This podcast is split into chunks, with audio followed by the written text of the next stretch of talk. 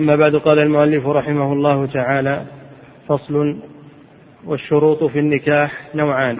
بسم الله الرحمن الرحيم. الحمد لله الصلاة والسلام على رسول الله. لما انتهى من شروط النكاح انتقل إلى بيان الشروط في النكاح. فرق بينهما أن شروط النكاح هي الشروط التي يتوقف تتوقف صحة العقد عليها. وأما الشروط في النكاح فهي الشروط التي يشترطها أحد الزوجين على الآخر مما له فيه نفع. نعم. والشروط في النكاح نوعان. نعم. صحيح صحيح كشرط زيادة. نعم. الشروط في النكاح ما يشترطه أحد الزوجين على الآخر في النكاح على نوعين. شروط صحيحة وشروط فاسدة. والشروط الفاسدة نوعان كما يأتي. الشروط الصحيحة نعم.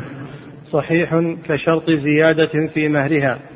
نعم إذا شرطت عليه مهرا إذا شرطت عليه مبلغا محددا من المهر وجب عليه ذلك. فإن لم يفي به فلها الفسخ. لأن كما قال النبي صلى الله عليه وسلم المسلمون على شروطهم. وأعظم الشروط أن يوفى به ما استخلت به الفروج. إذا شرطت مبلغا معينا من المهر المهر الأصل أنه لا يحدد. الأصل أن المهر غير محدد. يقل ويكثر بحسب الأوقات وبحسب الظروف. فلا حد لأكثره ولا حد لأقله. ما دام أنه فيه انتفاع. فلو كان قليلا وفيه نفع صح كالنعلين مثلا والخاتم وما أشبه ذلك. ما فيه نفع ولو قل يصح أن يكون مهرا. وكذلك ما كثر وآتيتم إحداهن قنطارا فلا تأخذوا منه شيئا. ليس له لكن الأفضل والذي رغب فيه الشارع تيسير المهر. تيسير المهر هذا رغب فيه الشارع لأن تيسير المهر أخف وأدعى للإقبال على الزواج وأيسر للزوج أعظم النساء بركة أيسرهن مؤونة. فالشارع إنما حث على تيسير المهر لكنه لم يحدده بحد معين. نعم. صحيح كشرط زيادة في مهرها فإن لم يفي بها زيادة في مهرها زيادة على مهر غيرها يعني. زيادة في مهرها يعني زيادة على مهر أمثالها على مهر مثلها. نعم. كشرط زيادة في مهرها فإن لم يفي بذلك فلها الفسخ. إذا لم يفي بإعطائها المهر الذي شرطتها عليه في العقد فلها الخيار في أن تبقى معه أو تفسخ النكاح لأدي لأنه لم يفي بشرطها هذا يبيح لها الفسخ ويجعل لها الخيار لدفع الضرر عنها. نعم. وفاسد. القسم الثاني من الشروط في النكاح شرط فاسد والفاسد ضد الصحيح. وهو ينقسم إلى قسمين إلى فاسد يفسد العقد ولا يصح معه العقد وإلى فاسد لا يفسد العقد كما يأتي. نعم. وفاسد يبطل العقد وهو أربعة أشياء. آه الفاسد الذي يبطل العقد أربعة أشياء الشغار والتحليل. نعم. وبقية الأربعة نعم. وهو أربعة أشياء نكاح الشغار. الشغار هو الخلو يقال شغر المكان إذا خلا. وظيفة شاغرة يعني غير مشغولة. وشغر الكلب برجله إذا رفعها ليبول. فالشغار هو الخلو خلو الشيء. قال مكان شاغر. ومعناه في الشرع أن تجعل المرأة بدل المرأة. يزوجك موليتي على أن تزوجني موليتك. تجعل المرأة مقابل المرأة.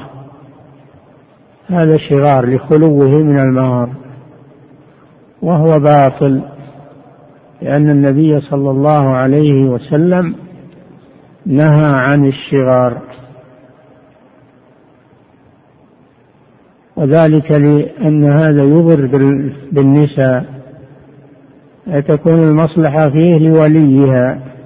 أزوجك على شرط أن تزوجني. فلا يراعي مصلحة المرأة وإنما يراعي مصلحته هو. هذا باطل ما فيه من الضرر. إذا كان خاليا من المهر جعلت امرأة بدل امرأة. أما إذا كان بينهما مهر زوجك موليتي على أن تزوجني موليتك؟ وكل واحدة لها مهر. مهر مثلها فهذا موضع خلاف. المذهب أنه صحيح لوجود المهر. أنه صحيح لوجود المهر ولا ضرر عليها في ذلك.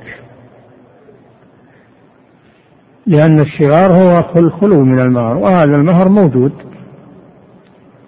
القول الثاني أنه باطل أيضا لأنه لا يخلو من إضرار بالمرأة ولو ولو كان هناك مهر لا يخلو من الإضرار بالمرأة.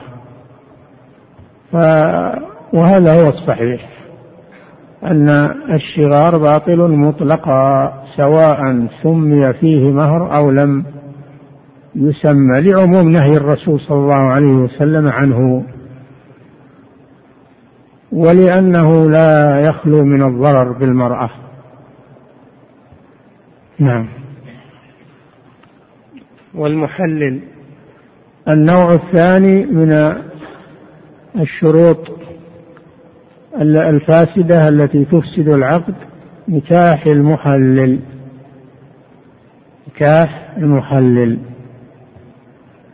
وذلك يأتي في المطلقة ثلاثا. قال تعالى فإن طلقها يعني طلقها الثالثة فلا تحل له. حتى تنكح زوجا غيره فإن طلقها يعني الزوج الثاني فلا جناح عليهما أن يتراجعا. يحتالون على هذا يجيبون واحد ما يريد النكاح وإنما يتزوجها حيلة ليحللها للأول ولا رغبة له فيها. يتزوجها لأجل أن يخللها للأول فقط. فهذا هو المحلل. وهو نكاح باطل. لقوله صلى الله عليه وسلم لعن الله المحلل والمحلل المحلل له وسماه التيس المستعار. من باب تنقيصه.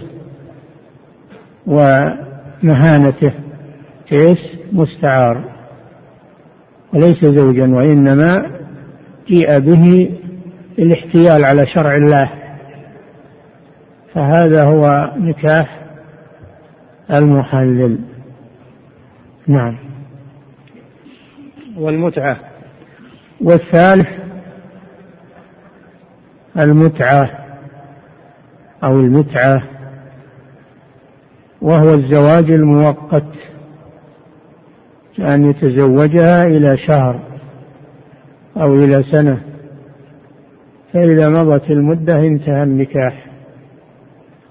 هذا المتعة. كان مباحا في أول الأمر. كان مباحا في أول الأمر. ثم نهي عنه ثم أبيح مرة ثانية ثم نهي عنه نهيا نهائيا نهيا نهائيا في غزوة الفتح إلى يوم القيامة لأن النكاح يراد للبقاء والاستمرار ولا يكون مؤقتا مثل الأجرة أجرة الدابة أو الدار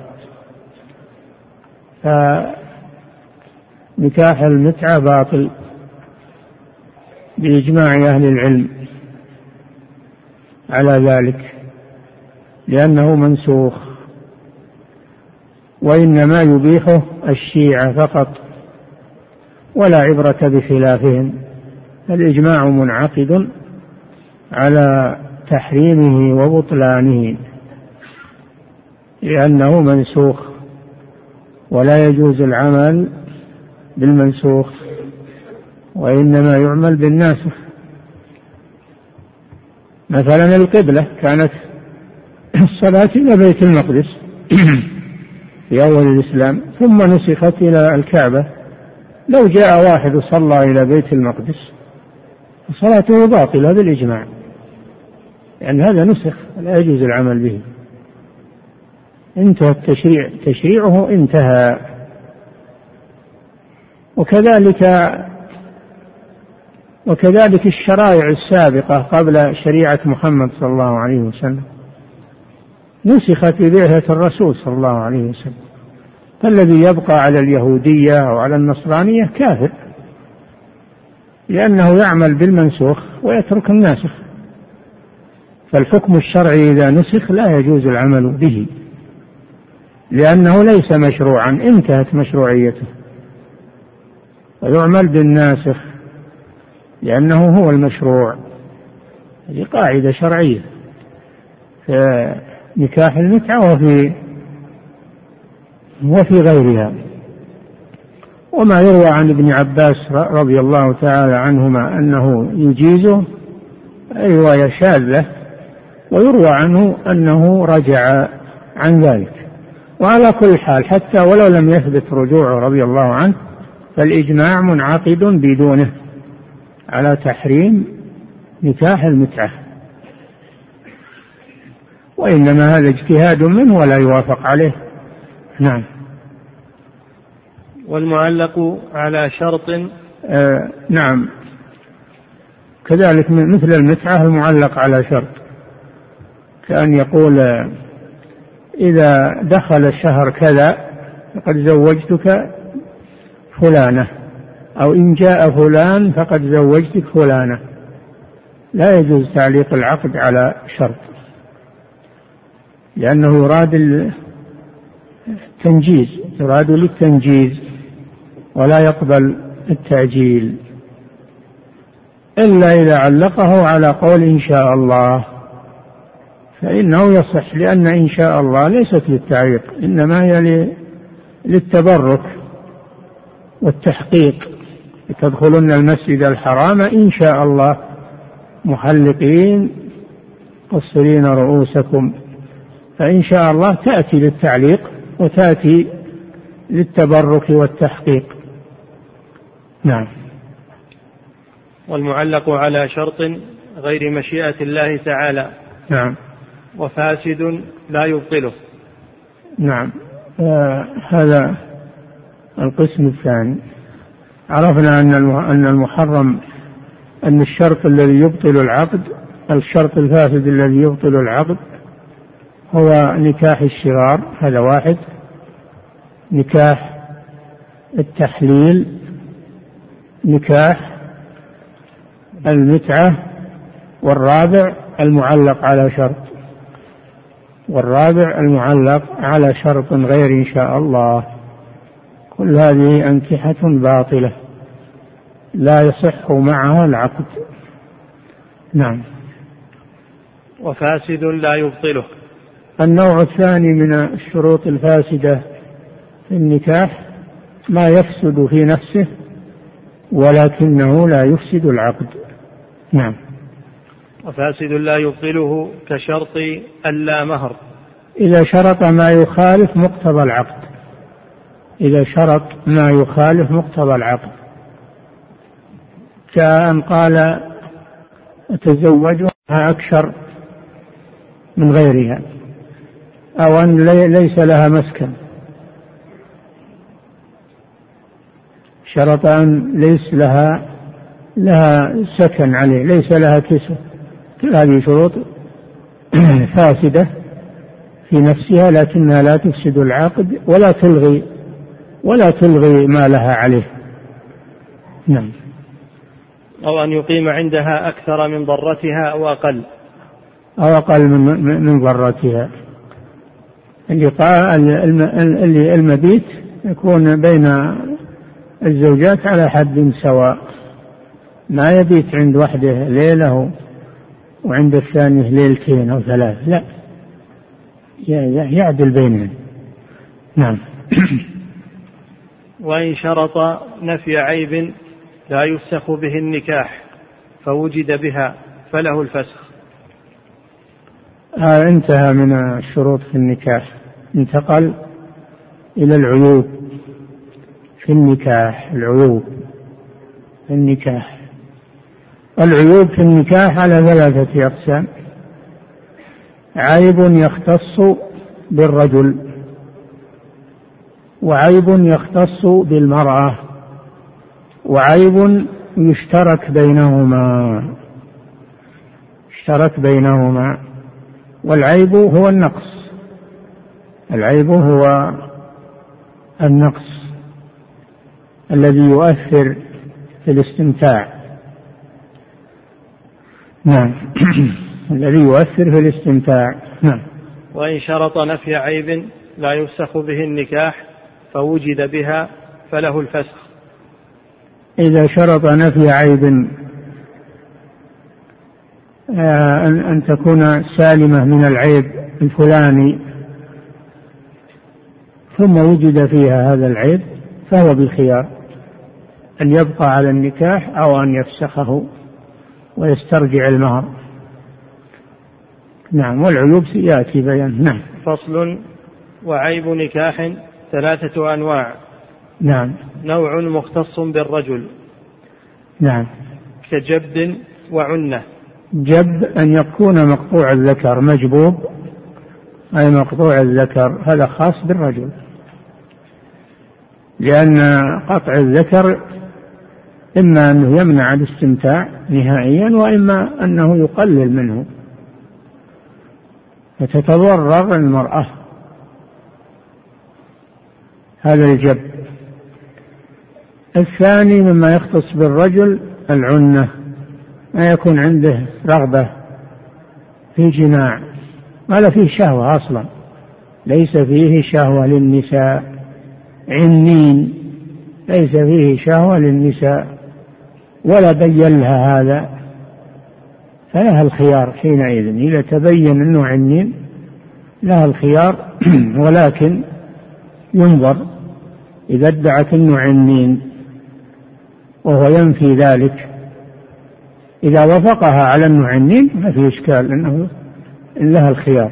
لكن إذا إذا ما وافق بل ادعى أنه هو بعنين وأرسله جامع في أثناء السنة فليس بعني. وإن مضت السنة ولم يجامع فهو عني لأنها مضت عليه الفصول الأربعة فصول السنة الأربعة الشتاء والربيع والصيف والخريف. مضي الفصول الأربعة عليه ولم تتحرك شهوته هذا دليل على أنه عنين فيفسخ حينئذ لها الفسخ. لها الفسخ. نعم. ونوع مختص بالمرأة. هذا هذا الخاص بالرجل. المختص بالمرأة. نعم. ونوع مختص بالمرأة كسد فرج ورث انسداد الفرج. انسداد فرجها بحيث لا يستطيع أن يسلك الذكر. فيه لا يستطيع العلاج لأنه منسد لأن فرجها منسد فيه آفة سدته. هذا له الخيار. لأن هذا لأن هذا يلغي منفعة انتفاعه بها بالجماع. نعم فإذا كان في فرجها عيب يمنع. في فرجها عيب يمنع الجماع فله الخيار. نعم. كسد فرج ورتق. الرتق هو أن تلتصق الشفران شفراء المرأة يلتصقان يلتصقان بعضهما ببعض والشفران هما حافة القبل. إذا كان ملتصقين هذا يمنع الاستمتاع. نعم. ونوع مشترك بينهما. هذا الثالث نوع عيب مشترك بينهما يكون فيه ويكون فيها. نعم. كجنون. الجنون وهي الإصابة بنفس الجن يخبل الإنسان بسبب مداخلة الجن له والعياذ بالله. هذا عيب لأنه يخشى على الطرف الثاني من المجنون. ويكدر العشرة بينهما فإذا كانت هي مجنونة أو هو مجنون يعني يأتي عليه وقت يصرعه الجن أو هي يصرعها الجن في وقت فهذا عيب له أو لها الفسخ وله أو لها الاستمرار إذا رغب ما يخالف نعم. وجذام الجذام هذا نوع من المرض والعياذ بالله تتساقط منه الأعضاء. هذا الجذام مرض يصيب الإنسان تتساقط منه الأعضاء. نعم. فيفسخ بكل من ذلك ولو حدث بعد دخول. نعم. ونوع ثالث ونوع مشترك بينهما أي. كجنون وجذام نعم. وكذلك البرص. البرص هذا مشترك يكون في الرجل ويكون في المرأة وهو عيب. هو عيب منفر من الاستمتاع. فإذا وجد في أحدهما البرص فللطرف الثاني الخيار. والبرص مرض جلدي. مرض جلدي معروف. ليس له علاج. الأطباء ما يقدرون يعالجون البرص. ولذلك كان من معجزة عيسى عليه السلام أنه يبرئ الأبرص والأكمة من معجزاته عليه الصلاة والسلام. فالبرص مرض لا يمكن علاجه وهو مرض جلدي ويكون بياضا هذا هو الغالب ويكون سواد أيضا يمكن أبرص بالسواد. فهذا ينفر بلا شك. فإذا وجد في أحدهما فللآخر الخيار. نعم. ونوع مشترك بينهما كجنون وجذام فيفسخ بكل من ذلك ولو حدث بعد دخول. يفسخ يعني يستحق به الفسخ. إذا وجد ذلك ولو بعد الدخول. يمكن يوم يتزوجون وهي سليمة أو هو سليم لكن حدث بعد الزواج. للآخر الفسخ لأن, لأن هذا ينفره من الاستمتاع بالآخر. نعم. فيفسخ بكل من ذلك ولو حدث بعد دخول لا بنحو عمل. أما أما العيوب التي لا تمنع الاستمتاع فليس فيها فسخ. مثل العمى هو أعمى ولا هي عمياء؟ هذا لا لا يسوغ الفسخ لأن العمى لا يمنع الاستمتاع. العمى لا يمنع الاستمتاع. وكذلك آه وكذلك عدم الإنجاب. عدم الإنجاب العقم هذا أيضا لا يمنع الاستمتاع. فالعيب الذي لا يمنع الاستمتاع ليس فيه فسخ. نعم. لا بنحو عمن وطرش. طرش وهو أصقع ما يسمع. ما يسمع هذا ما يمنع الاستمتاع. الأصقع يجامع والصدها تجامع لا يمنع. نعم. وقطع يد أو رجل. كذلك هذا لا يمنع إذا إذا فقد منه عضو يد أو رجل. هذا لا يمنع الاستمتاع كالعرج ونحو ذلك. نعم. لا بنحو عمن وطرش وقطع طرش. طرش لا بنحو عمن وطرش وقطع يد أو رجل إلا بشرط. إلا بشرط. إذا شرط السلامة عند العقد إذا شرط أحدهما أن الآخر سليم من العيوب الجسمية. وجد شرط فوجد عيب لا يمنع الاستمتاع. لكنه شرط إنه شرط عدم ذلك فله الخيار. نعم. ومن ثبتت عنته أجل سنة من حين ترفعه إلى الحاكم. نعم. فإن لم يطأ فيها فله فلها الفسخ إذا مضت عليه سنة ولم يستطع الوصول إليها وهي مدعية عليه بالعنة فهذا يصدق قولها. فلها الفسخ. نعم.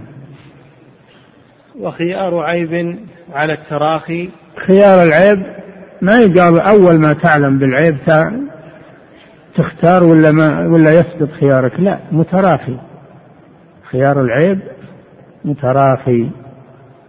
متى ما أراد الطرف الذي لا يريده الفسخ يفسخ. ولكن لا بد من حكم الحاكم لأن العيوب تختلف ولا بد من حكم الحاكم بأن هذا عيب وأنه يستحق الفسخ. نعم. بريرة لما عتقت بريرة رضي الله عنها لما عتقت تحت مغيث كان متزوجين وهما مملوكان ثم عتقت بريرة وهو بقي في الرق. بقي في الرق. النبي صلى الله عليه وسلم خيرها. خيرها فاختارت الفسخ. الفسخ. لأنها لا تريد البقاء تحت مملوك. اختارت الفسخ ففسخها النبي صلى الله عليه وسلم. دل على أنه على التراخي.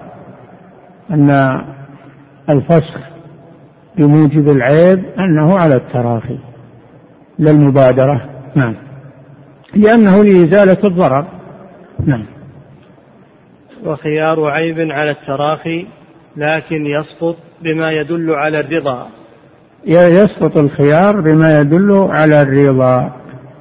كأن يقول رضيت بها وهي كذا أو تقول هي رضيت به وكذا أسقط خياره؟ أو مكنته من نفسها بعد بعد علمها بعد علمها بالعيب. هذا يسقط الخيار أيضا. نعم. وخيار عيب على التراخي لكن يسقط بما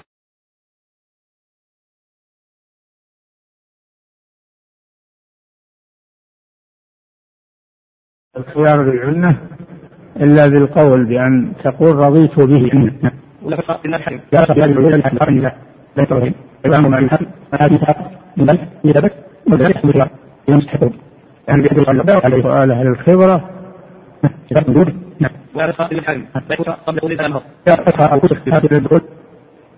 عقد عليها ثم تبين أن ثم حصل الفسخ قبل الدخول. بعد العقد وقبل الدخول فليس لها مهر. ليس لها مهر. لأنه لو تزوج امرأة وعقد عليها وطلقها قبل الدخول ليس لها ليس لها مهر. يا أيها الذين آمنوا إذا نكحتم المؤمنات ثم طلقتموهن من قبل أن تمسوهن فما لكم عليهن من عدة تعتدونها. ليس عليها عدة ليس لها مهر. وإن طلقتموهن من قبل أن تمسوهن وقد فرضتم لهن فريضة فنصف ما فرضتم. نعم. هذا في, في, في الذي ليس بها عيب له النصف لكن اللي فيها عيب لا ليس لها شيء. نعم. فإن فسخ قبل دخول فلا مهر. وبعده لها المسمى يرجع به على مغر. وبعدها إذا فسخ بعد الدخول قد دخل وقد سمى لها مهرا فلها المهر المسمى. لأنه دخل بها والدخول يقرر المهر. من قبل أن تمسوهن. دل على أنه إذا مسها تقرر لها المهر بما استباح. من فرجها ويرجع به على من غره على وليها أو على من غره بها ولم يبين العيب. نعم. ويقر الكفار على نكاح. آه، دخل الآن في باب جديد. هو رحمه الله يدخل في, في الأبواب دون أنه ينبه يقول باب كذا وباب كذا. نكاح الكفار ما حكمه؟ الكفار ما حكمه؟ إذا دخلوا تحت حكم المسلمين كفار دخلوا تحت حكم المسلمين أو لم يدخلوا تحت حكم المسلمين. نقول لا نتعرض لأنكحة الكفار. على أي صفة كانت؟ ما نتعرض لها. لأن الله جل وعلا لأن الله جل وعلا قال امرأة فرعون. امرأة فرعون. وقال في أبي لهب وامرأته حمالة الحطب. مع أنهما كافران سماها امرأة له. فيقرون على عقدهم الذي مشوا عليه ولا نتعرض له. نعم. ويقر وأولادهم أولادهم شرع شرعيون. أولادهم يكونون شرعيين. الولد للفراش. نعم. ويقر الكفار على نكاح فاسد إن اعتقدوا صحته. هذا إن كان انكحتهم تتوافق مع شريعتنا هذه ما نتعرض لها أبدا. أما إن كانت تخالف شريعتنا فهذا ننظر فيه بشرطين. الشرط الأول أن يترافعوا إلينا. وإن جاءوك فاحكم بينهم أو أعرض عنهم. إن جاءوك إذا ترافعوا إلينا ننظر فيها. ننظر فيها. والشرط الثاني أن يعتقدوا صحتها في فيما بينهم. إذا اعتقدوا صحتها فلن تدخل فيها. نعم. ويقر الكفار على نكاح فاسد إن اعتقدوا صحته. نعم إن اعتقدوا صحته يقرون على ما اعتقدوه لأن النبي صلى الله عليه وسلم لم يتعرض لأنكحة الكفار الذين أسلموا أسلموا تحتهم زوجات هم وزوجاتهم أسلموا ولم يتعرض لهم صلى الله عليه وسلم. نعم. وإن أسلم الزوجان والمرأة تباح إذن أقرا. إذا أسلم الزوجان جميعا. والمرأة تباح له وقت إسلامهما لأنها أجنبية منه وشروط النكاح متوفرة فيها فإنهما يقران على ذلك على نكاحهما. ولا نسأل كيف تم العقد ما نسأل عن هذا. ما كلفنا بهذا. كان الناس يسلمون على عهد النبي صلى الله عليه وسلم هم وزوجاتهم ولم يتعرض لأنكحتهم. أما إذا أما إذا أسلم إذا أسلم هو ولم تسلم هي أو بالعكس فإنه ينتظر. إن كانت تحل له إن كانت تحل له إذا إذا أسلم فإنهم يقرون كما سبق. أما إذا تأخر إسلام أحدهما عن الآخر فإنها ينظر في العدة. ينظر في العدة. إذا انتهت العدة ولم يسلم زوجها فإنها تفصل منه. فإنها تفصل منه. إذا أسلمت هي ولم يسلم زوجها منع منها وينتظر تمام العدة. فإذا تمت العدة ولم يسلم فإنها تفصل منه لأنها لا يجوز أن تبقى مسلمة تحت كافر. أما إذا كان العكس هو الذي أسلم وهي لم تسلم فإن كانت كتابية يبقى على نكاحها وإن كانت غير كتابية ينتظر تمام العدة. ثم إذا تمت العدة ولم تسلم إنه يفرق بينهما. الله جل وعلا قال ولا تمسكوا بعصم الكوافر لا تمسكوا بعصم الكوافر. نعم. باب الصداق. الصداق هو المهر. الصداق والمهر والأجور. سماه الله أجرا وسماه صداقا وآتوا النساء صدقاتهن نحلة ويسمى مهرا وهو المال الذي وهو المال الذي يدفعه الزوج لزوجته بموجب العقد.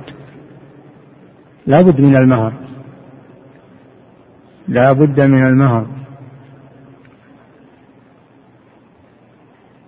وهذا الحكمة والله أعلم في فرضية المهر في النكاح. إكرام للمرأة. إكرام للمرأة. فلا يستبيحها بدون مهر. ففيه إكرام لها واحترام لها. نعم. باب الصداق. يسن تسميته في العقد. الصداق يلزم بموجب العقد. سمي أو لم يسمى. لكن يسن أنه يسمى في العقد. إن يقول زوجتكها على مهر كذا وكذا. فيقول قبلت هذا النكاح بهذا المهر المذكور. هذا سنة. ولو لم يسمى في العقد فلا بأس وهو صحيح. نعم. يسن تسميته في العقد وتخفيفه. ويسن تخفيفه وتيسيره ولا حد له قلة ولا كثرة لكن يسن تخفيفه وتيسيره. نعم. لأنه إذا تضخم يثقل الزوج ويكره الزوجة إليه. عند أدنى مخالفة. أما إذا كان المهر يسيرا فإنه أسهل على الزوج وأيسر للزواج ويحبب المرأة إلى زوجها. فينبغي تيسير المهر. ينبغي تيسير المهر. نعم. وكل ما صح ثمنا أو أجرة صح مهرا. كل ما يصح تملكه وينتفع به صح أن يكون مهرا. كقبضة الشعير والنعل والخاتم أو ما هو أكثر من ذلك. كل ما فيه نفع مباح يصح أن يكون مهرا. حتى المنفعة. المنفعة يصح أن تكون مهرا كأن يتزوجها على تعليمها يعلمها القرآن يعلمها الكتابة يعلمها. هذه منفعة. موسى عليه السلام تزوج ابنة الشيخ الكبير تزوجها برعاية الغنم. هذه منفعة. يريد أن أنكحك إحدى ابنتي هاتين على أن تأجرني. ثمانية حجج أي ثمان سنين. فرعى الغنم ثمان سنين هذا المهر عشر سنين فهذا مهرها. هذه منفعة. فالمنفعة المباحة يجوز أن تكون مهرا. النبي صلى الله عليه وسلم قال للرجل زوجتكها بما معك من القرآن. نعم. فإن لم يسمى أو بطلت التسمية وجب مهر مثل بعقد. إذا إذا زوجت ولم يسمى لها مهر هذه تسمى مفوضة المفوضة هي التي زوجت ولم يحدد لها مهر لها مهر مثلها. لها مهر مثلها من النساء قريباتها. هذه إذا لم يسمى. أو سمي لها مهر لا يصح لا يحل كالخمر والخنزير ومهر لا يصح ولا يتملك. فهذا باطل ويفرض لها مهر مثلها. نعم. فإن لم يسمى وبطلت التسمية وجب مهر مثل بعقد. نعم. وإن تزوجها على ألف لها وألف لأبيها صح. فلو طلق نعم لو تزوجها على ألف لها وألف لأبيها صح ذلك ويكون مهرا. يكون الألفان مهرا. نعم. وإن تزوجها على ألف لها وألف لأبيها صح فلو طلق قبل دخول رجع بألفها ولا شيء على الأب لهما. نعم. كما سبق كما قال الله جل وعلا وإن آه، طلقنا ما أما إذا قال على مهر لا وليس فيها شيء منه نعم. وإن شرط لغير الأب شيء فالكل لها نعم. ويصح تأجيله. يصح تأجيل المهر يصح أن يكون حالا ويصح أن يكون مؤجلا إلى سنة إلى سنتين إلى عشر سنين ما يخالف لا بأس. نعم. يسمونها المؤخر. يسمونها المؤخر. لا بأس بذلك. إذا تراضى لا بأس. نعم. ويصح تأجيله وإن أطلق الأجل فمحله الفرقة. إذا قالوا مؤجل ولم يحدد الأجل يتمدد إلى الفرقة بالموت أو أو بالطلاق. آخر شيء يدفع المهر. نعم. وإن أطلق الأجل فمحله الفرقة. محله محله. فمحله الفرقة نعم. وتملكه بعقد. المرأة تملك صداقها بالعقد فلو نما وزاد بعد العقد فلها نماؤه. نعم. ويصح إذا كان معينا لها إذا كان المهر معينا كان يقول تزوجتك على هذا القطيع من الغنم مثلا. هذه الغنم أنتجت تم العقد وأنتجت الغنم إنتاجها لها لأنه نتاج ملكها لأنه يقع تملكها له بالعقد. نعم.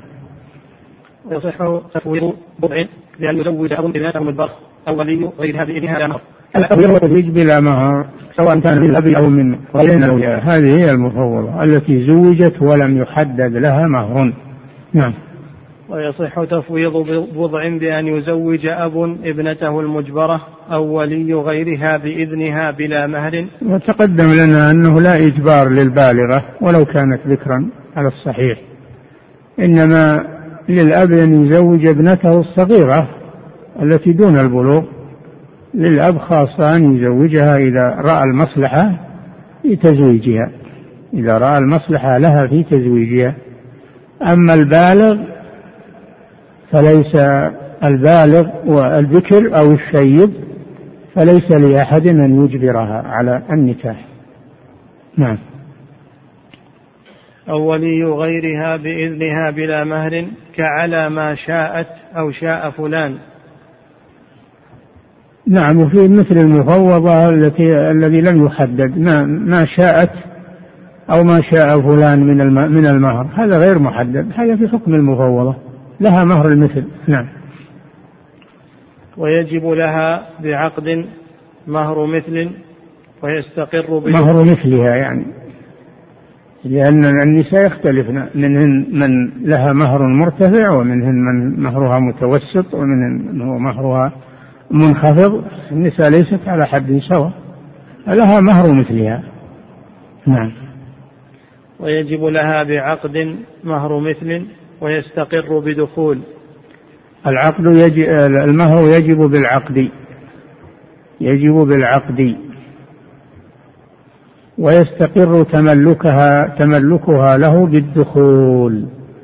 فلو طلقها قبل الدخول عرفتم انها ما تملك إلا نصفه. نعم. وإن مات أحدهما قبل دخول وفرض ورثه الآخر. نعم إذا عقد على امرأة إذا عقد على امرأة ثم مات قبل الدخول فهي امرأة لا تزال ولها عليها عدة الوفاة عليها عدة الوفاة ولها الميراث لها الميراث منه. هكذا جاء في الحديث وقضى به الصحابة رضي الله عنهم. بخلاف الفرقة قبل الدخول بالطلاق فليس لها إلا نصف المسمى. نعم. ولها مهر نسائها كأمها وعمتها وخالتها. نعم مهر مثلها مثلها. ومثلها المراد به قريباتها قريباتها. نعم. وإن طلقت قبلهما لم يكن لها عليه إلا المتعة وهي إذا طلقت قبل الدخول بعد العقد وقبل الدخول ولم يسمى لها مهر لم يسمى لها مهر فلها المتعة فلها المتعة. بأن يعطيها شيئا من المال جبرا لخاطرها. أي يسمى ومتعوهن على الموسع قدره وعلى المقتر قدره. متاعا بالمعروف حقا على المحسنين. نعم. لم يكن لها عليه إلا المتعة وهي بقدر يسره وعسره. شيء من المال بقدر عسره أو يسره. شيء من المال تنتفع به.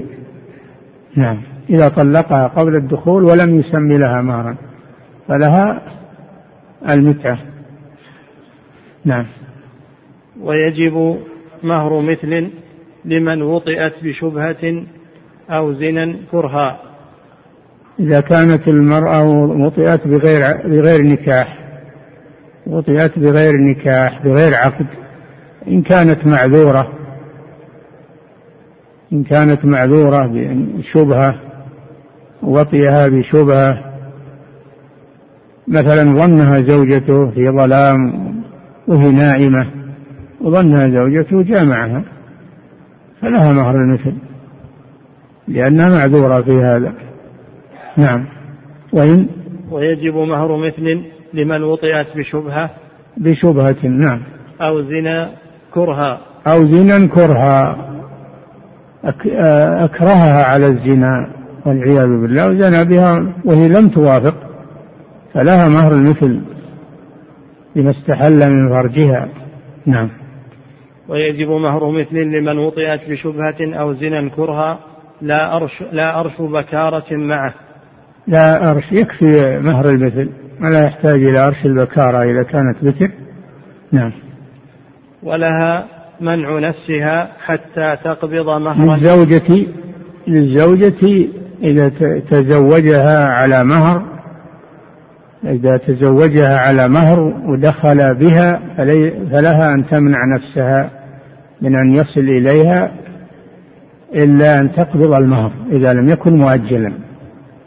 لها ذلك. أن تمنع نفسها إلى أن تقبض مهرها. إن لم يكن مؤجلا. نعم. ولها منع نفسها حتى تقبض مهرا حالا. نعم. أما المؤجل فليس لها أن تمنع نفسها منه حتى يحل الأجل. نعم. ولها منع نفسها حتى تقبض مهرا حالا لا إذا حل قبل تسليم أو تبرعت بتسليم نفسها. أما إذا تبرعت بتسليم نفسها له ليس لها أن تمتنع بعد ذلك. ليس لها أن تمتنع بعد ذلك. أو كان المهر مؤجلا وحل الأجل لا تمنع نفسها في هذه الحالة لأنها رضيت بالتأجيل. في الأصل رضيت بالتأجيل في الأصل فلا تمنع نفسها لكن تطالبه بالمهر لأنه حق وجب عليه وتم الأجل فلها الحق المطالبة. نعم. وإن أعسر بحال فلها الفسخ بحاكم. إذا أعسر الزوج بالمهر الحال فإنها ترجع للحاكم. فإنها ترجع للحاكم. فإذا ثبت إعساره وعدم قدرته على دفع المهر فلها الفسخ. لإزالة الضرر عنها. نعم. ويقرر المسمى كله موت وقتل ووطء في فرج ولو دبرا وخلوة يثبت لها المسمى يثبت لها المسمى في أحوال. إذا مات كما سبق يثبت لها المهر وعليها العدة ولها الميراث.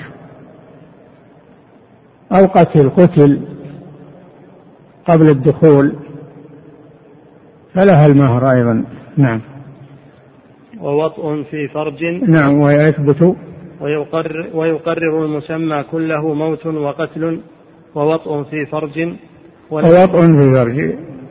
إذا دخل بها يعني وطئها تقرر لها المهر كله. نعم. ووطء في فرج ولو دبرا. خلاف يعني الدبر حرام ولا يجوز. لكن يقولون يقرر المهر لأنه استمتاع لأنه استباح منها واستمتع بها فلاها المهر. نعم. وخلوة عن مميز ممن يطأ مثله. مع علمه إن لم تمنعه. هل مجرد الخلوة بها يقرر المهر أو لا بد من الوطء خلاف بين العلماء والمذهب الذي عليه الخلفاء الراشدون أنه إذا خلا بها خلوة يستطيع معها أن يجامعها فلها المهر ولو لم يمسها لأنه تمكن منها واستباح منها الخلوة والنظر إليها فلها, مهر فلها المهر. يتقرر بالخلوة ولو, ولو لم يحصل وطء إذا لم تمتنع منه إذا لم تمتنع منه أو يكون هناك مانع يمنعه هو الذي قصر ولم يعمل الشيء وهي بادنة فلها المهر. نعم. وخلوة عن مميز ممن يطأ مثله مع علمه إن لم تمنعه. مع علمه بها أما لو أنه دخل بغرفة ظلمة وهي فيها بعد العقد وما درى بها هذه ما هي بخلوة؟ ولا هو أعمى دخل وجلس يحسبها أنها ما بعد جت وهي موجودة. هذا لا هذه ليست خلوة لأنه لم يعلم بها. نعم. وطلاق في مرض موت أحدهما. ويثبت المهر بطلاق وطلاق في مرض موت أحدهما. إي نعم هذا يثبت المهر. إذا طلق وهو في مرض الموت فهذا لا يعفيه من المهر. لا يعفيه من المهر لأنه مثل المتوفى. الذي في مرض الموت مثل المتوفى نعم. وطلاق في مرض موت أحدهما. ولأنه متهم. إذا طلقها في مرض موته هذا لا يمنعها من الميراث ولا يمنعها من المهر لأنه متهم بقصد حرمانها. نعم. ولمس أو نظر إلى ولمس أو نظر إلى فرجها بشهوة فيهما. نعم هذا يقرر المهر. إذا لم هذا استباحة أو نظر إلى فرجها هذه استباحة توجب عليه المهر ولو لم يطأها نعم. وتقبيلها. كذلك تقبيلها الاستباحة لها هذا يوجب عليه المهر. نعم. وينصفه كل كل فرقة من قبله قبل دخول. ينصف المهر كل فرقة من قبله هو الذي فارقها باختياره عليه نصف المهر. إن طلقتموهن من قبل أن تمسوهن وقد فرضتم لهن فريضة فنصف ما ما فرضتم. نعم. وينصفه كل فرقة من قبله قبل دخول ومن قبل كل كل فرقة يعني كل فرقة طلاق أو خلع أو نعم. ومن قبلها قبله تسقطه. نعم. وينصفه كل فرقة من قبله قبل دخول إذا كانت الفرقة جاءت من قبله قبل الدخول فلا نصف. أما إن جاءت الفرقة من قبلها هي قبل الدخول فليس لها شيء. الله جل وعلا قال وإن طلقتموهن جاءت الفرقة من قبله. نعم. وينصفه كل فرقة من قبله قبل دخول ومن قبل ومن قبلها قبله تسقطه. تسقط المهر كله إذا كانت الفرقة من قبلها. نعم. فصل يكفي.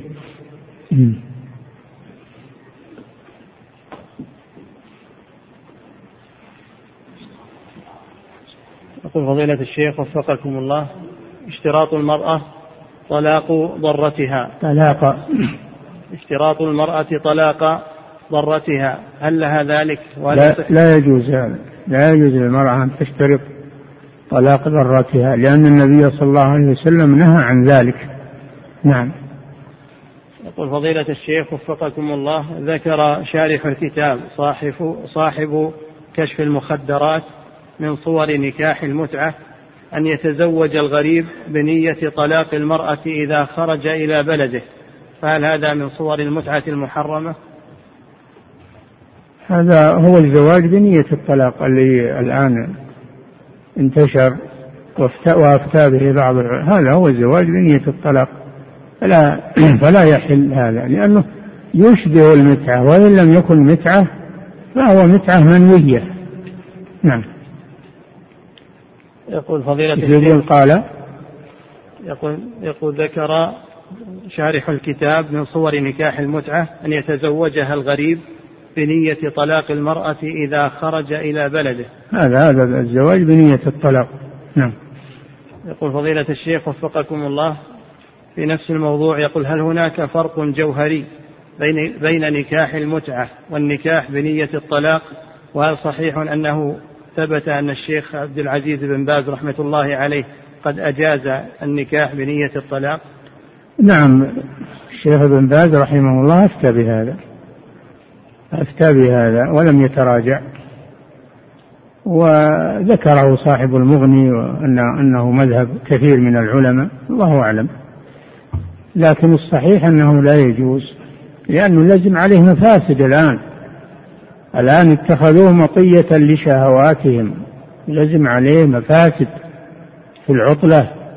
يسافرون ويتزوجون الكم الهائل من النساء بنية الطلاق. كل ليلة يتزوج واحدة وإلا راح الصبح خلاص انتهى. هذا الحقيقة هذا سفاه سفاه باسم النكاح والعياذ بالله. فلا يجوز هذا. نعم. يقول فضيلة الشيخ وفقكم الله لو اتفقت المرأة مع محلل دون علم الزوج الأول نعم. يقول لو اتفقت المرأة مع محلل دون علم الزوج الأول فما الحكم لو طلقها هذا الرجل؟ كل واحد سواء علم الأول أو لم يعلم. إذا ثبت أنها تزوجت للتحليل إنها لا تحل للأول ولو لم يعلم. نعم. يقول فضيلة الشيخ وفقكم الله يقول عندنا في قبيلتنا المهر لا تستشار المرأة فيه وإنما والدها هو الذي يحدده وهو الذي يأكله ولا يعطيها منه إلا الشيء اليسير فهل يجوز لوالد المرأة أن يفعل ذلك؟ نعم للوالد أن يأخذ من مهر ابنته ما لا يضرها ولا تحتاجه أما أن يضر بها فلا يجوز له ذلك. بل له أن يأخذ من مال ولده وابنه. قوله صلى الله عليه وسلم أنت ومالك لأبيك. له أن يأخذ من مال ابنه ما لم يصل إلى حد الإضرار بالابن. أو يأخذ شيء يحتاجه الابن. فالوالد أنه يأخذ. يأخذ من مهر ابنته ومن مال ابنه. نعم خاصة بالوالد هذا. نعم. يقول فضيلة الشيخ وفقكم الله هناك من طلبة العلم من يقول إن مهر زوجات النبي صلى الله عليه وسلم وبناته قرابة أربعين إلى خمس وأربعين ألف ريال. وذلك أنه هناك من طلبة العلم من يقول إن مهر زوجات النبي صلى الله عليه وسلم وبناته قرابة أربعين إلى خمس وأربعين ألف ريال. ألف؟ ألف نعم. لا هذا ما هو بصحيح زوجات النبي صلى الله عليه وسلم وبناته مهورهن في حدود 140 ريال من ريالات اليوم. ريالات اليوم. نعم. يقول فضيلة الشيخ وفقكم الله إذا زوج الرجل موليته لرجل بشرط أن يزوج الآخر موليته بمهر بينهما ألا يكون ذلك شغارا؟ لأنه يترتب عليه المفاسد؟ نعم قلنا أنه شغار على الصحيح.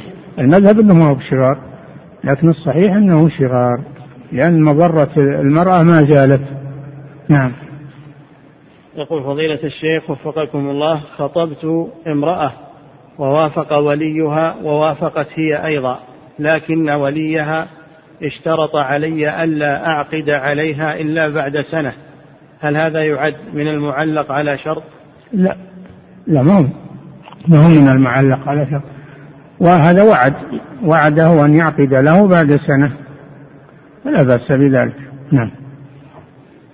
يقول فضيلة الشيخ وفقكم الله من كان له زوجتان إحداهما لها عدد من الأولاد والأخرى أقل بكثير فهل يلزم أن يكون السكن متساويا في المساحة والنوع يسكن كل واحدة بما يكفيها. سكن كل واحدة بما يكفيها.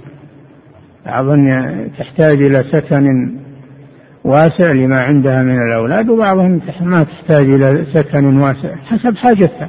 يعطيها حسب حاجتها. هذا هو العدل.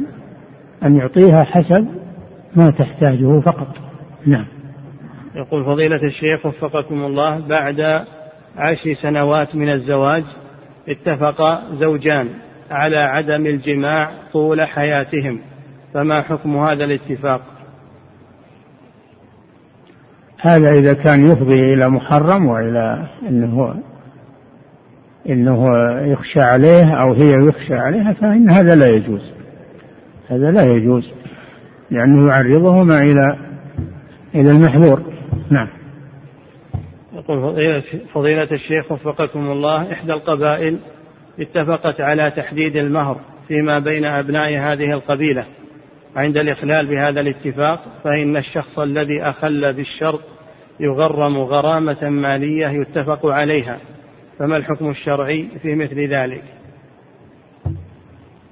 الواجب أن يرفع هذا للإفتاء وينظرون فيه. نعم. يقول فضيلة الشيخ وفقكم الله هل الفسخ يحسب طلقة أم لا يعد طلقة؟ هل إيش؟ هل الفسخ هل الفسخ يعد طلقة أم لا يعد طلقة؟ يعد فسخا يعد فسخا الفسخ غير الطلاق. فرقة نوع من الفرقة لكنه غير الطلاق. لا ينقص به عدد الطلاق. نعم. وكذلك الخلع. هل يعد طلقة؟ هو الفسخ الفسخ هو الخلع. نعم. يقول فضيلة الشيخ وفقكم الله إذا كان الزوج لا يصلي مع الجماعة في المسجد وإنما يصلي في البيت دائما فهل هذا عيب يبيح للمرأة أن تطلب الفسخ؟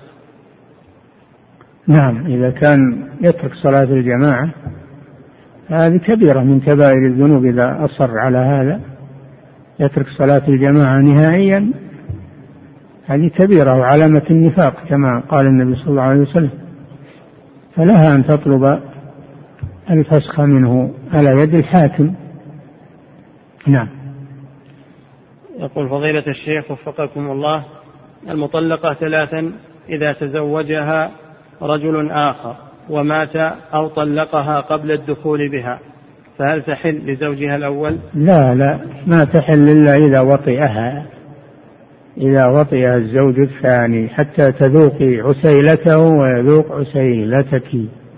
إذا طلقها الزوج الثاني قبل الوطئ فهذا لا يبيحها للأول. نعم. يقول فضيلة الشيخ وفقكم الله في هذا الزمان يرى بعض الناس أن تخفيف المهر على الزوج يزهده في الزوجة ويرى أن أهلها يريدون الخلاص منها بأي مهر. فهل هذا القول صحيح؟ لا ما هو صحيح. تخفيف المهر هذا سنة ومرغب فيه في كل زمان وفي كل مكان. نعم.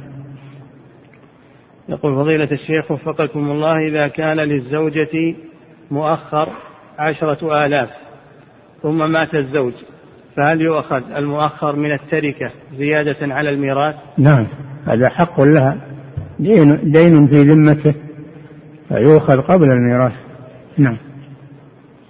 يقول فضيلة الشيخ وفقكم الله هل أقر النبي صلى الله عليه وسلم ابنته, ابنته زينب وزوجها بعدما أسلم على نكاحهما الأول أم أنه جدد العقد وذلك لطول المدة بين إسلامهما؟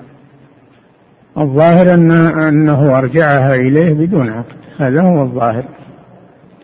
ابن القيم له كلام طويل في هذا. الله أعلم. هذه مشكلة الحقيقة مشكلة. ابن القيم له كلام طويل في هذا. نعم. يقول فضيلة الشيخ وفقكم الله. رجل قال لصاحبه زوجتك ابنتي وهي صغيرة. فقال الآخر قبلت. نعم. يقول رجل قال لصاحبه زوجتك ابنتي نعم. وهي صغيرة. فقال الآخر قبلت ولكن لم يكن هناك شهود وكان الكلام هزلا. فهل ينعقد النكاح؟ النكاح ليس فيه هزل. ينعقد ولو كان يمزح ولو كان مازحا لأن جده جد وهزله جد.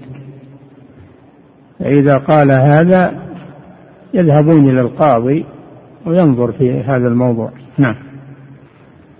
يقول فضيلة الشيخ وفقكم الله هل هل تأثم الفتاة هل تأثم الفتاة لرفضها الزواج من شخص ظاهره الالتزام؟ وذلك أنه لم يعجبها البتة وأحست أنها لو قبلت به ستظلم نفسها. نعم لها الحق في ذلك. إذا لم إذا لم يرق في عينها فلها حق أن ترفض الزواج منه لأن الزواج يكون على الرغبة والطمأنينة ما يكون مع الكراهة ومع نعم. فضيلة الشيخ وفقكم الله هذا سائل من فرنسا يقول امرأة هددتها أمها إذا تزوجت من فلان أنها ليست ابنة لها علما أن هذا الرجل مستقيم فما نصيحتكم في ذلك؟ نصيحتنا أن تصلح مع أمها وأن تقنع أمها بالزواج منه. نعم. يقول فضيلة الشيخ وفقكم الله يقول إمام مسجد جمع بنا يوم الثلاثاء الماضي الظهر والعصر لأجل الغبار وصلينا معه واحتج علينا بحديث ابن عباس أن النبي صلى الله عليه وسلم جمع بين الصلاتين الحديث وفيه أن ابن عباس قال أراد ألا يحرج أمته. السؤال هل فعل الإمام صحيح؟ وما حكم صلاتنا؟ وهل علينا الإعادة؟ هذا فعل الإمام غير صحيح وهذا ليس فيه حرج. الغبار حاصل ولا وكان الغبار يحصل عند المسلمين ما هو جديد يحصل عند المسلمين. ولا أثر أنهم يجمعون من أجل الغبار. إنما الجمع لأحد ثلاثة أمور إما للسفر الذي يبيح القصر وإما للمرض وإما للمطر الذي يبل الثياب وينتج عنه وحل في الطريق بينهم بين المسجد.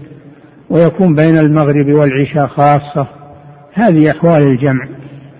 وأما الغبار فعلى هذا الإمام أنه يأتي بنص أن المسلمين جمعوا أو دليل على أن الغبار عذر في الجمع. وعليه لا بد من إعادة الصلاة. لأن الأصل أن كل صلاة في وقتها ولا يجوز الجمع من غير عذر. عليهم الإعادة. نعم. يقول فضيلة الشيخ وفقكم الله لو تزوج لو تزوج رجل امرأة فتنازلت نعم. يقول لو تزوج رجل امرأة وتنازلت عن ليلتها للأولى فهل يلحق الزوج في ذلك شيء؟ لا هذا حصل مع النبي صلى الله عليه وسلم سودة رضي الله عنها تنازلت عن حقها لعائشة رضي الله عنها وأقرها النبي صلى الله عليه وسلم على ذلك نعم. يقول فضيلة الشيخ وفقكم الله إذا أسلمت المرأة الكتابية تحت المسلم فهل تبقى على نكاحها؟ نعم. حتى لو ما أسلمت كتابية العفيفة المحصنة لو ما أسلمت نكاح المسلم لها صحيح بنص القرآن. نعم. فإذا أسلمت فهذا زيادة خير. نعم. يقول فضيلة الشيخ وفقكم الله ما حكم مواصلة الدراسات العليا في البلاد الإسلامية المجاورة مع العلم أنه يكون في القاعات الدراسية نساء متحجبات ويجلسن في زاوية القاعة والدراسة شرعية في العلم الشرعي؟ إذا كان كما ذكر السائل أن النساء محجبات ومنعزلات عن عن الرجال في حيز مستقل فلا بأس بذلك إن شاء الله. والدراسة الشرعية يستفيدون نعم. يقول فضيلة الشيخ وفقكم الله إحدى شركات الاتصال نعم. يقول إحدى شركات الاتصال نعم. عندها عرض تسويقي وهو أنه في كل يومي خميس إحدى شركات؟ الاتصال. أنا لا أفتي في مسائل الاتصالات لأنها مختلطة ب... وفيها دعايات وفيها مراهنات وفيها شرور. أنا ما أفتي فيها. نعم. يقول فضيلة الشيخ وفقكم الله أعطيت البائع مئة ريال. نعم. واشتريت بخمسين ريال. ولم يكن لديه نعم. شو يقول؟ أعطيت البائع مئة ريال. أي نعم. واشتريت بخمسين ريال فقط. ولم يكن لديه صرف. فهل يجوز أن آخذ الباقي في وقت آخر؟ اصرف المية اصرفها عند واحد آخر وجيب له ثمن السلعة. نعم. تخرج منها الإشكال. نعم. يقول فضيلة الشيخ. ولا ينذرك تجيب له القيمة في وقت آخر. نعم. يقول فضيلة الشيخ وفقكم الله. أو خلى السلعة عنده لما تجيب القيمة. مخارج كثيرة ولله الحمد نعم. يقول فضيلة الشيخ وفقكم الله. مر بي رجل يريد أن يبيع جوالا مستعمل بسعر مغر يقول مر بي رجل يريد أن يبيع جهاز جوال مستعمل بسعر قليل مغر وشككت في الرجل أنه قد يكون سارقا له وذلك لوجود بعض القرائن عليه مثل عدم وجود الشاحن وكرتون الجوال. فهل يجوز لي أن أشتري هذا؟ لا ما دام أنك عندك علامات على أنه ما ي... لا يملك هذا الجوال فلا تشتريه منه. نعم. والله تعالى أعلم وصلى الله وسلم على نبينا محمد وعلى آله وصحبه.